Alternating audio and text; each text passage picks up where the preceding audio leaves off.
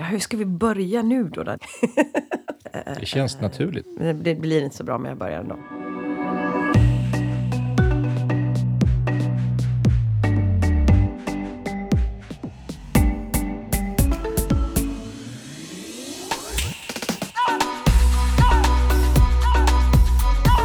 Klokskap och ledarskap. En podcast som ger plats till ledare som genuint, modigt och generöst får dela med sig av sina bästa råd till oss.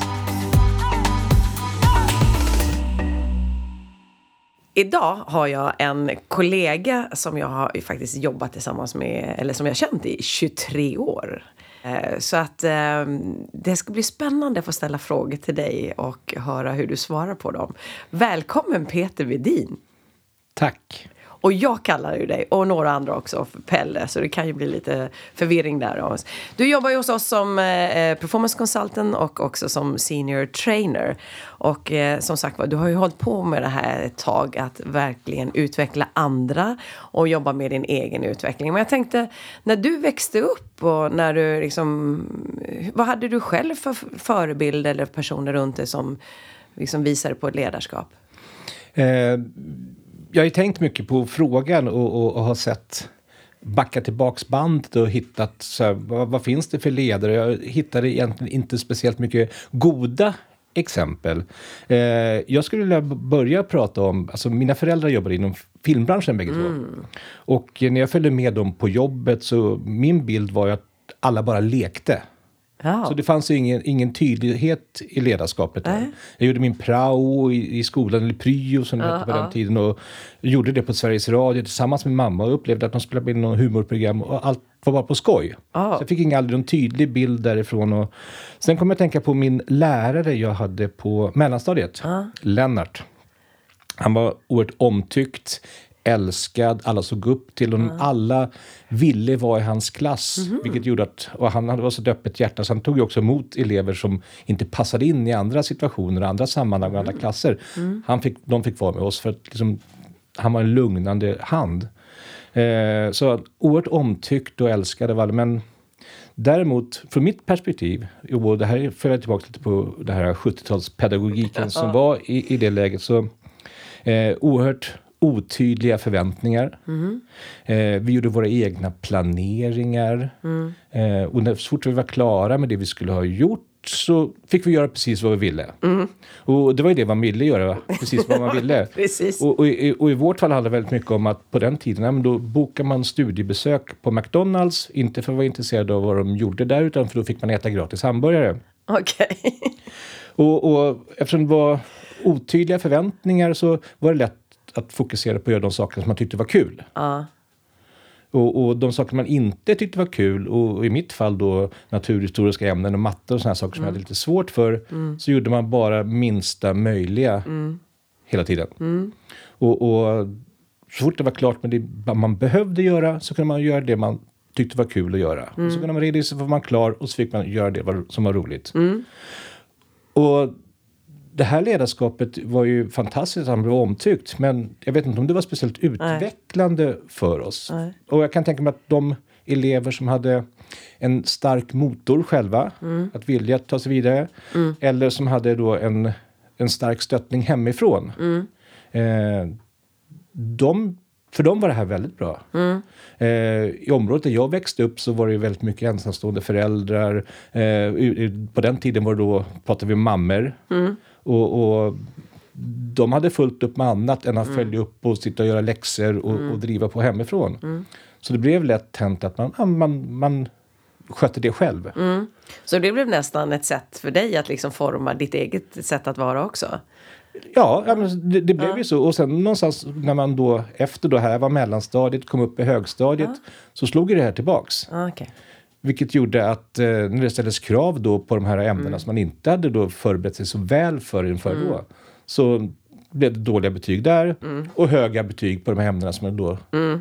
Mm. Och det har ju följt med hela vägen sen. Mm. I, sen val av gymnasium och val av liksom hela vägen. När du började jobba sen då? då? hur funkar det då? Tänkte på med förväntningar och mål och mer styrd verksamhet så att säga. Jag, jag tror att fortfarande att jag sitter kvar i, i, i mångt och mycket. Att det är lätt hänt att göra mycket av det som man tycker är kul. Ah, okay. Och, och någonstans, självklart så gör man de sakerna bra för man gör mycket av dem. Mm. Men det finns å andra sidor av saker som man kanske inte som man kanske skulle fokusera mer på för att lyfta. Mm. Men det är lätt att släppa ifrån sig dem eller göra minsta möjliga där. Men som sagt var, vi har jobbat ihop några år Mm. så jag vet ju vad du levererar och du är ju en person som alltid levererar saker och ting på hög kvalitet. Och det är egentligen, du är ju också en person som klarar av en hög arbetsbelastning. Så att jag tänkte att det, du, du har ju någonting i dig som verkligen gör att du vill leverera eh, det du har lovat att du ska göra. Så jag tänkte, vad, utifrån att du nu jobbar med att få andra att ta ansvar och också göra resultat. Vad är det för lärdomar du själv liksom, kan dra dig till minnes? Um, jag, jag tänker ju oftast på det att man någonstans vill leva upp till båda till förväntningar och Ja. för uh, någonstans som jag har upplevt i den, den mån jag har tränat medarbetare eller folk i, i, i olika organisationer så är det ju att det saknas mycket förväntningar. Jaha. Eh, folk eh, tror att det förväntas en sak och så försöker de leverera på det. Och det kan ju ofta skapa en stress hos dem när de inte tror att de lever upp till det som förväntas av dem. Men så när man då plockar ner då tillsammans med deras chefer till exempel ställer frågan vilka förväntningar egentligen är. Så visas det ofta att det är lägre förväntningar än de själva tror har. Och där är det någonting som skapar en stress och en press. Som många lever med och tror att de ska leva upp till. Så jag tror att, att som chef och ledare vara duktig och noga med att stämma av vad som förväntas av sina medarbetare är ju någonting som tror jag är ganska centralt för att få en bra flyt och en långsiktighet hos medarbetare och hos ledarskapet. Men hur lärde du dig själv då att ställa förväntningar? För det var som du började, om man tittar då som säger, du var ju inte kanske så van vid att ha liksom, uttalade förväntningar på dig eh, när du växte upp ifrån skolan. Så jag tänkte, hur, hur, hur lärde du dig att liksom få de här förväntningarna att ställa på dig? Jag tror om, om det faller tillbaka på mitt eget ledarskap så är det någonstans format det utifrån vad jag själv har saknat. Okej. Och, och, och det är lite grann som nu, det är väl lite djupare att det är ungefär som mitt föräldraskap har formats efter att en frånvarande pappa. Så okej, vad, vad ska jag göra som förälder själv då? då? Min roll som pappa. Och då blir det min att jag formade mitt ledarskap efter okay, vad, vad har jag saknat själv från de ledare jag har haft. Och försöker se att det är viktiga delar. Mm. Så hur rent praktiskt gör man? Ja, ja men det handlar väl i, i grunden om förväntningar. Det är att titta på vad, vad är du... Vad förväntar jag mig att du ska leverera? Vad är det som du ska liksom vara och göra? Och hur ska du göra det? Och sen se till att de sakerna korrelerar med varandra. Och då har du också någonting som tydligt kan förvänta sig och följa upp det på också. Och, och någonstans tror jag att eh, om du tittar på hur samhället har utvecklats. Om du tittar tidigare på det industriella samhället och hade mycket hantverkare och då var det du ska producera det här och det här och det här. Och det kunde i och för sig skapa stress och, och vara vara mycket. Eller till klockan tio idag ska du slå i de här hundra spikarna. Och det var en tydlighet. När vi kommer över till tjänstesamhället som vi är, mångt och mycket är i nu. Så, så har vi tappat det på vägen. Vilket gör att folk gissar vad de ska förväntas göra. Och saker finns i molnet och där tror man att saker, förväntningarna finns också. Och, så, och så skapar det bara en förvirring tror jag. Ja, det är spännande just det här med hur saker och tider, liksom tider går och tider kommer och det är liksom högt och lågt som är i det. Och när du tittar tillbaka på din egen karriär, vad har du varit med om där då som för olika situationer? För du har ju erfarenhet från olika branscher och eh, företag. Mm, ja, och, jag tänker till exempel på ja, det var inte så länge sedan, men nu är det 2019 och vi hade ju den här millenniekraschen Ah, som var eh, det hade väl ja, 19 år sedan, det är ganska exakt nu då. Och då jobbade jag i en konsultorganisation och eh, var ansvarig för en del säljande konsulter. Eh, och inför det här millennieskiftet så det säljandet där, det var mer väldigt reaktivt. Det, var, det var nästan ordermottagning, det fanns jättemycket pengar ute i IT-branschen, telekombranschen och, och många olika branscher. Så det var ett sätt att arbeta som var. I och med att millenniekraschen kom och året efter det, det här olyckliga som skedde i, i New York och påföljden av det med, med Twin Towers så så behövde vi gå från att bli eh, från reaktiva till proaktiva. Mm. Vi behövde själva ta ansvar, mm. börja arbeta, söka upp kunder, vara mer aktiva ute. Och eh, många föll bort där, för det hade, där handlar det om att någonstans ändra sina beteenden, och vanor och mönster. Mm. Och de som inte klarade av att göra det, de försvann ju. Mm. Mm.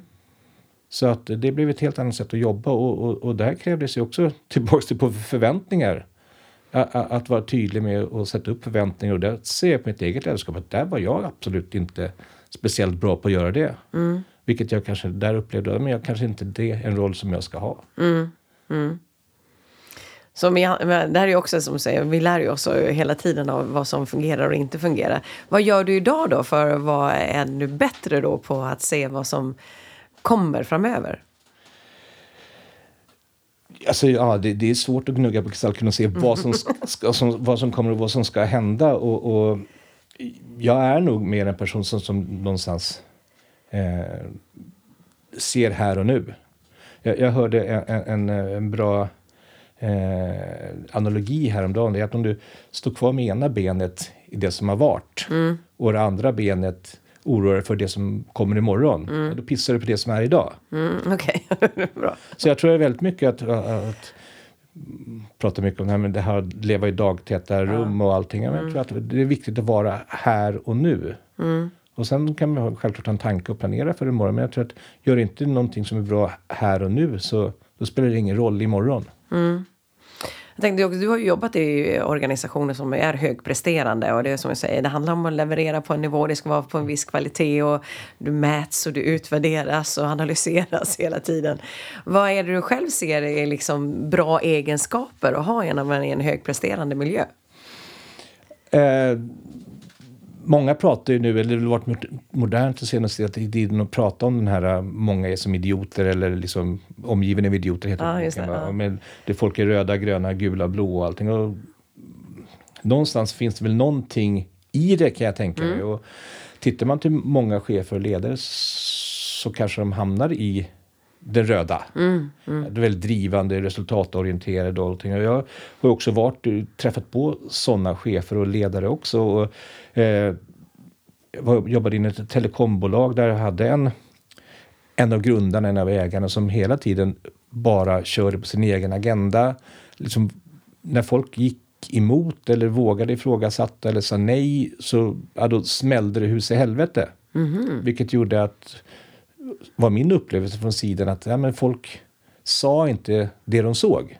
Mm. Vilket gjorde att det påverkar självklart resultaten. Mm. Att uh, hans idéer, tankar och allting och kanske inte alltid var de bästa. Mm. Men folk runt omkring vågade inte stå emot reaktionen. Nej. Vilket gjorde att eh, i många fall blev det fel. Uh. Och det kunde man ha sett innan om man hade stannat upp och lyssnat. Så tyvärr saknar ju många i den follan, alltså en ödmjukhet och ett lyssnande för omgivningen. För mm. jag tror att det ska gå snabbt, det ska gå snabbt och mina idéer är de bästa och rätta. Mm. Jag eh, jobbade i en, eh, en skola där jag hade en, en chef eh, som också hade samma beteende. Mm. Han hade ta, klara, tydliga idéer om allting skulle vara, vart vi skulle, vad vi skulle göra, hur planeringen skulle se ut. Och så hade vi också en kvinna som hela tiden ifrågasatte de här sakerna. Uh. Vilket gjorde att varje måndagsmöte som vi hade startade varje månad alltid slutade i en stor krasch. Mm. Och, och, där var vi en, an, fem, sex andra som satt och, och ja, liksom bara lutade oss tillbaka. Vi visste vad som skulle hända, vi visste vad som skulle komma, vi visste när det kom. Och så slutade det i att liksom, de stod högröda i ansiktet och stort sett skrek på varandra. Mm. Vilket gjorde att det var ingen bra stämning. Nej, det var ingen bra start på veckan. Nej, absolut ingen bra start Nej. på veckan. Och, och, och, och, då rektor fick komma och ta hand om och ha samtal med de här. Mm, och mm. någonstans så, det här gjorde ju också att även om man hade tankar, idéer och funderingar så drog man sig hela tiden för att lyfta fram dem. Man visste att äh, ska jag hamna i den här, en sån här smäll? Mm. Orkar jag det? Är det här värt det? Mm. Och så kanske man gick och tog andra vägar istället. Mm. Vilket gjorde att det undergrävde hans ledarskap också i slutändan. Mm, mm. Men om, om vi säger, om man tittar på en sån situation utifrån att du tränar ju andra i att hantera utmanande situationer. Med den informationen och det som du vet idag. Hur skulle du coacha en person som har den här situationen framför sig?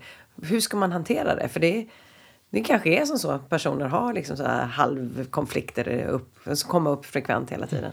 Det, det viktigaste tror jag i de lägena är ju att fortfarande våga ta dem. Mm. Att, att, våga stå upp mm. för dem själv, vilket jag tydligen inte gjorde då. Mm. Uh, ganska tidigt, i ganska ung ålder. Och kände, mm. det här, men tar vi inte i det så har vi också godkänt det. Mm. Och, och godkänner vi det så kommer det också spridas och vara ett okej, okej beteende. Mm. Och, och i många fall som ledare kan vi ha de här beteenden runt omkring oss. Och det mm. måste, måste vi se och ta i det. Annars mm. gör vi inte det så då är det godkänt av oss. Mm. Men där är ju också så, det kan ju vara svårt utifrån ett ledarskapsperspektiv utifrån att man tycker det här med tajmingen. Det som det du sa själv, det exemplet, då sitter ju människor runt omkring och tittar. Och det man kanske vill göra det är ju att säga någonting där och då, men då är ju andra där. Så hur ska man tänka där? Är, det, är tajmingen viktigt att ta det precis när det händer? Eller liksom, vad skulle du säga där? Eh, då och där så tror jag inte det finns ett lyssnande. Ah, okay. Mm. Eh, däremot så tror jag att i ett sånt läge att man behöver stanna upp, låta det sjunka undan och sen gå tillbaks till det och ha tydliga exempel på hur andra uppfattar hur andra upplevde sig för att få den att se saker och ting utifrån. Däremot kan jag tänka mig att hade det varit bra saker som skedde, ja, då hade vi kunnat säga det där och då. För mm. då hade det blivit en tydlighet i det. Mm. Men är det negativa saker så behöver, tror jag att du behöver ha en distans till det för att folk ska få det perspektivet. Mm. Ja, det är väldigt bra, bra tips. Ja, men för någonstans är det, står det mitt i stormen så, så ja, då, mm. då, då, då handlar det om överlevnad. Jag tänkte på eh, en sak som jobbar i just som säger resultatfokuserade eh, organisationer är ju att vi själva känner att vi vill prestera bra. Vi har höga krav på oss själva. Eh, hur gör du för att hantera den? För det blir ju som du säger en inbyggd stress och press i det också. Vad är liksom dina bästa sätt att hantera stress? Blir du stressad? Eh, ja, det blir jag. Och, och... Hur märker man på dig att du blir stressad? Eh, jag slutar raka mig. jag glömmer knyta skorna. Jag tycker att allting ska... Jag skrapar bort saker som, eh, som jag tycker tar tid. Okej. Okay. Mm. Eh, och eh, idiotiskt, men det, det är sådana små saker mm. som jag kan göra. Ja. Och, och, och, sen så tror jag så blir det också rätt, jag tror jag blir lätt handlingsförlamad mm. Okay. i, i det. Eh, istället för att liksom fokusera, försöka fokusera på små saker och massa mm. andra saker och mm. eh, eh, får ingenting gjort alls Nej. istället. Nej. Så vad gör du för att liksom hantera det då? Eh, jag tränar. Okay. Mm. Eh, jag tror det är viktigt att säga att om jag, den här klassiska att om du har hundra fiktiva problem och så går ut och springer och så när du kommer tillbaka igen så har du två problem kvar och då var de verkliga och de är lättare att ta tag i. Mm. Eh, eller om du ligger i, under en bänkpress och, och, inte tänker på vad du gör och inte tänker på något annat så kommer det göra ont. Mm.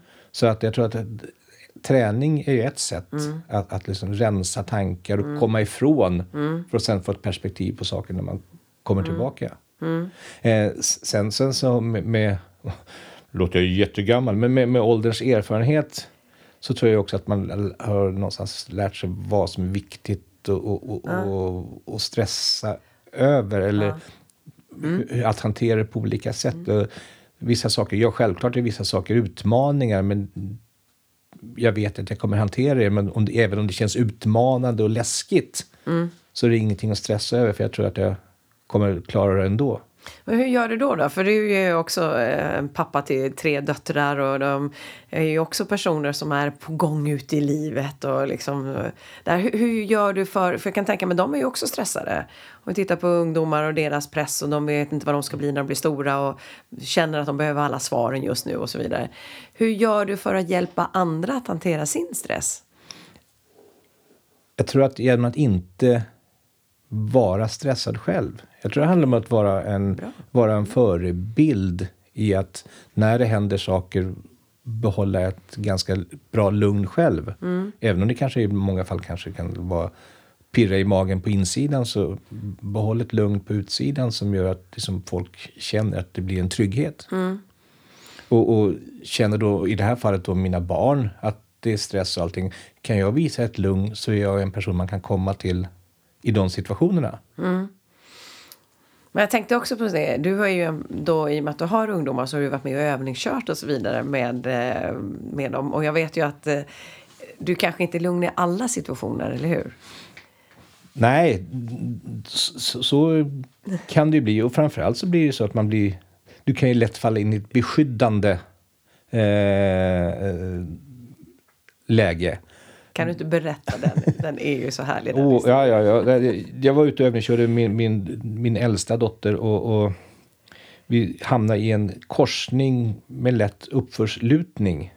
Och eh, alla som har tagit körkort vet hur utmanande det är att alltid hitta det här dragläget. Hon, hon kämpade med det, hon hittade det och tappade det. Det kom bilar som fick vänta och det kom bilar bakom oss och det blev ett par, tre bilars kö bakom oss. Och i ett läge så börjar bilen bakom bli stressad och helt plötsligt börjar den tuta på oss. Mm.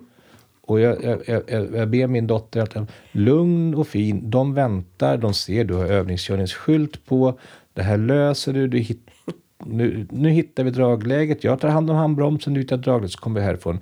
Men hon blev stressad över deras beteende bakom för de fortsatte att tuta och signalera. Och då sa jag åt henne att nu stannar vi bilen. Jag drog i handbromsen, öppnade dörren, gick ut, slet upp dörren på bilen bakom. Och eh, på kanske inte ett helt låg ton bad dem att ta det lugnt. För vi övningskör ni, ja. ser ni inte att vi är på gång? Ja, precis. Och, och, och, deras bild var ju helt enkelt bara att vi rullade lite bakåt och de ville uppmärksamma det. Men jag tyckte då och där att det kanske var fel sätt att, sätt att göra det för dem. För det skapade bara ännu mer stress i våran bil. Ja. Lugnt och fint slängde igen deras dörr, gick tillbaks och satt mig i våran bil och sa, släng, stängde Nu kör vi älskling. och det funkade. Och, och, ja, det funkade jättebra. Jättebra, det var det som behövdes. Ja, men någonstans, ja. någonstans så, även om du är stressad så behöver du någonstans någonstans behöver det bli en reaktion. Ja. Där det inte, ja. Framförallt så tror jag i det läget var det handlar mer om ett beskyddande mot ja. Men du är ju också en person som tar stort ansvar för att eh, egentligen eh, eh för stämningar överlag. För du känner ju av det. Man kan märka det som jobbar med dig. Att där kommer du in och det, du märker att det, liksom, liksom, ja, det har hänt något eller det är fokus eller det är liksom något som kan vara lite tungt. Så är ju du en person som tar ansvar för att både lyfta personer och gruppen till att ha kul. Eh, och jag, där tänkte jag, det är ju en, en fantastisk liksom, begåvning att ha det, att kunna få människor att vända och börja skratta åt saker och ting. Men vad krävs det? För att just den förmågan är ju någonting som kanske fler av oss skulle behöva ha. Att vi, eh, visst behöver saker och ting vara allvarliga, men när det blir för allvarligt blir det ju också för tungt. Alltså, vad är saker man kan göra som gör att det liksom lättar upp lite? Och det är så lätt hänt att säga att man ska dra en Göteborgsvits eller någonting. Och jag tror inte det handlar om det. Jag tror det handlar nog bara om att... Oh. nu, nu, fick jag ju en aha-upplevelse. Nu kanske det faller tillbaka ändå på min mamma och pappas jobb. Och, och att eh, deras ledarskap som de var i ja. bara var egentligen att leka. Mm.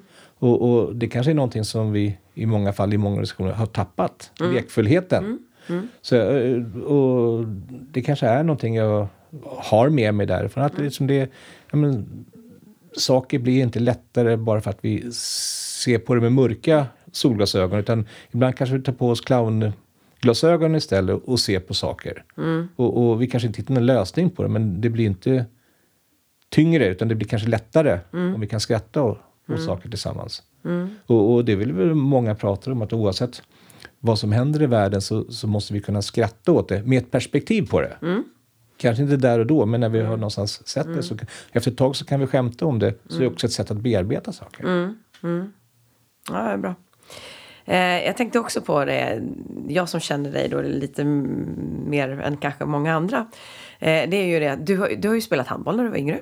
Eh, du är ju en fotbollssupporter av, eh, kanske inte av rang, men du är i alla fall en väldigt trogen fotbollssupporter. ja. Nu håller du ju tyvärr på AIK, men så är det ju. Men det är ju också, det, är, det, finns ju någonting hos dig som gör att du gillar det här med att vara lag och team och också den här uthålligheten att vara med både när det går bra och dåligt.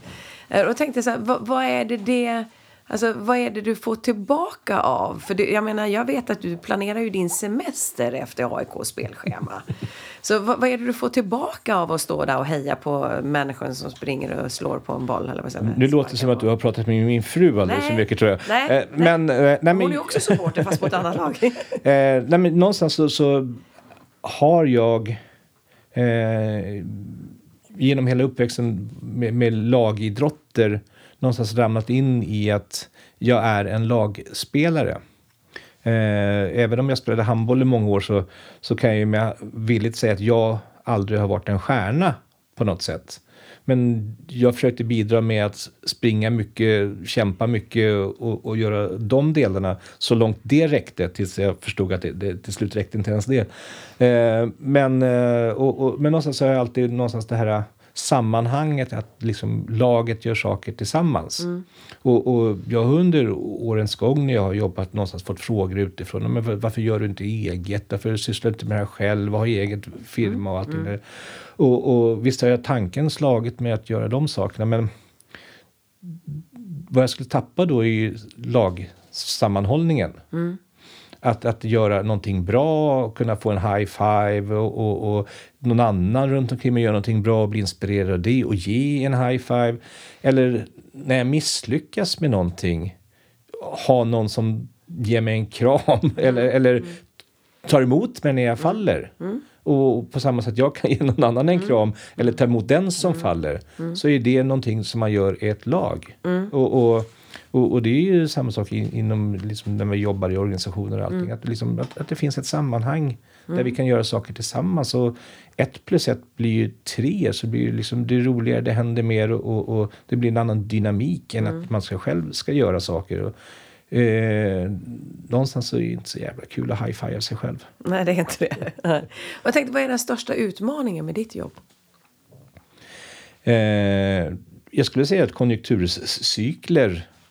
Och allting sånt där. Vi, eh, även om vi har bra produkter, varor, tjänster mm. i, i våran så, så lever vi ju fall ju ändå med att folk vill investera i sina medarbetare. Mm.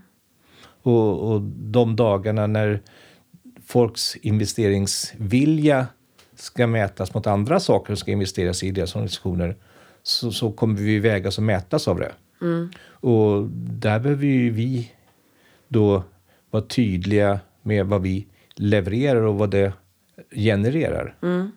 Det folk investerar hos oss. Mm. Och, och, kan vi inte göra det så hamnar vi ju på minussidan. Mm. Men däremot kan vi ju visa att det vi gör med, med företag och organisationer, att det res, ger ett resultat. Mm. Så hamnar vi på plussidan. Mm. Så där har, har vi våra, mm. tror jag, mycket av utmaningen mm. i det vi gör. Mm.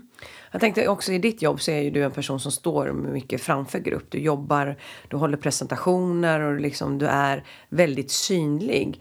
Och det är ju någonting som många personer tycker är väldigt obehagligt. De drar sig för det. De känner kanske att de liksom tappar sin förmåga att kommunicera på så bra sätt som möjligt.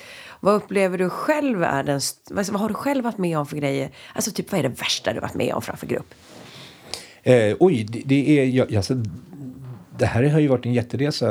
Eh, när jag jobbade i en skola under tio års tid eh, så var jag en person som...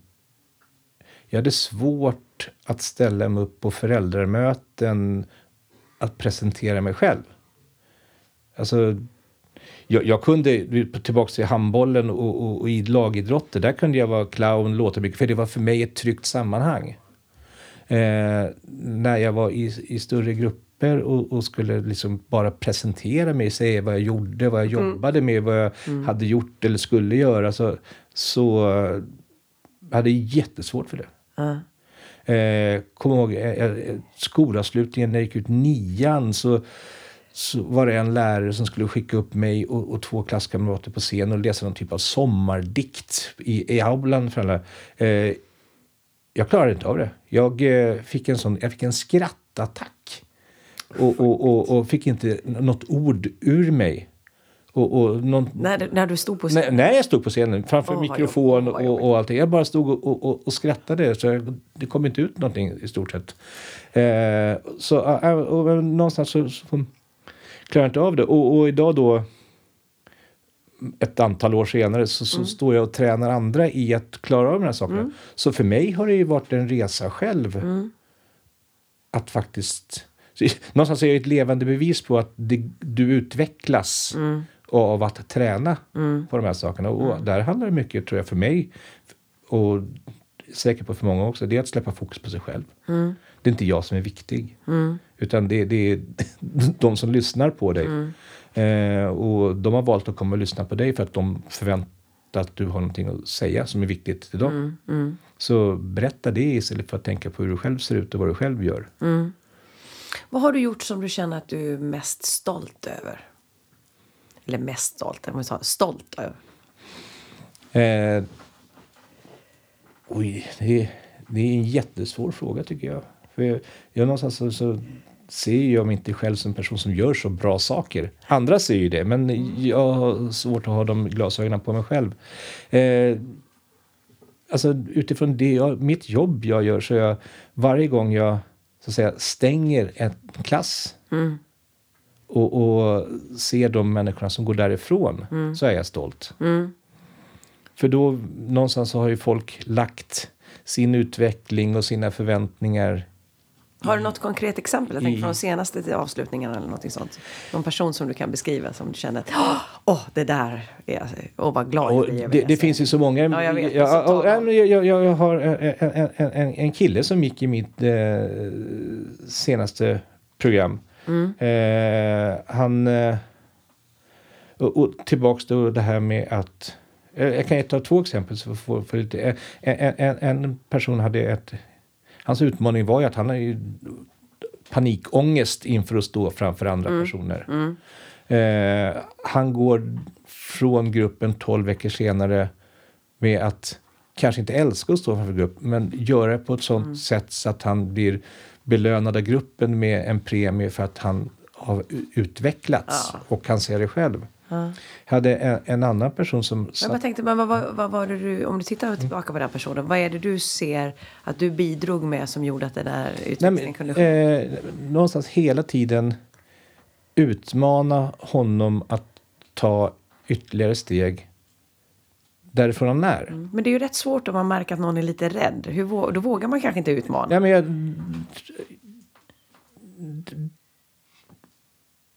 jo, det, det vågar man. Ja. Ja, ja, men utifrån att de förväntningarna, tillbaks på förväntningar som den personen har satt upp och, och uttalat att den förväntar sig av mig. Så är det ju så att gör jag inte det så har jag ju svikit de förväntningarna. Så även om jag ser ett tydligt konkret motstånd, eh, han, han håller emot, så måste jag ju fortsätta utmana honom därifrån han är. Och sen kanske han inte tycker att han tar ett stort steg där och då. Men han har förflyttat sig, vilket gör att nästa gång så tar jag honom från en annan plats. Så det är hela tiden att den dag vi slutar utmana så lever vi inte upp de förväntningar som våra deltagare har. Och då faller vi tillbaks på det här att vi, våra kunder inte får de resultaten de efterfrågar. Och då hamnar vi på minusskalan där igen och har en utmaning i organisationens perspektiv. Du hade ett exempel till. Ja, jo, jo, men jag har en person. Han, eh, han var ju snarare på andra sidan skalan. Han har inga problem att stå och prata framför grupp. Utan det var inte hans issues. Utan han ser sig själv att vilja bli en konkret, tydlig ledare framåt. Han satte upp tydliga Jag har de här tio målen jag ska nå upp till träningen. Annars är inte jag nöjd. Han satt inför sista avsnittet tillsammans med sin chef och skulle förbereda sig. Upplevde, han har bara nått upp till nio av de här målen han satt upp. Och, och, och kände att nej, det är inte tillräckligt. Jag har inte gjort så det räcker. Så han lyfter sin telefon, ringer till en av sina kunder och säger Du, jag har det här nu. Ska vi köra eller inte? Ja, men vi kör, säger kunden. Och han kunde gå in och säga att ja, men jag har nått mina tio mål. Så att Vad bidrog du med där då? där bidrog jag nog mer till att få honom att bjuda in andra. Eh, han är en person som springer, kör själv, fo- målfokuserad. Men att plantera tanken att ja, men, ge andra uppskattning, bjud in andra, få andra växa runt omkring dig så kommer de att bidra till din tillväxt. Och det var exakt det som skedde för den här personen. Att han upptäckte att men jag ska jag lyckas och framåt så kan inte jag göra allting själv utan jag behöver få med mig andra. Jag gör det.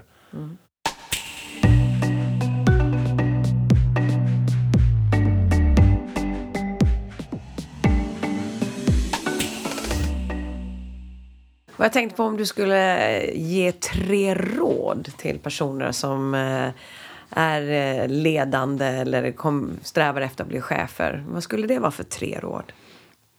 Ja, det, det första är ju, och det har ju nästan varit ett temat för hela avsnittet, det, är, det är att tydliggöra förväntningarna. Ja. Alltså var, var noga, tydlig i vad du förväntar dig av personer runt omkring dig. Eh, följ upp det så att liksom de förväntningarna ser att, och sätt relevanta förväntningar. Så och utgå inte vad som du själv förväntar dig själv utan du måste ju hela tiden möta den andra personen och sätta de förväntningarna. Eh, var genuint intresserad av andra människor. Hur blir man det då?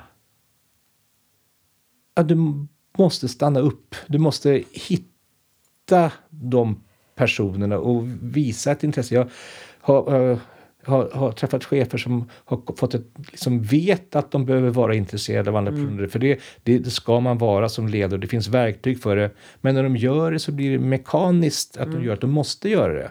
Och då tappar de det genuina och då blir de så... Vad menar du då? Har du något Ja, exempel? Eh, ja, jag har, har, hade en, en, en chef, en ledare en gång som...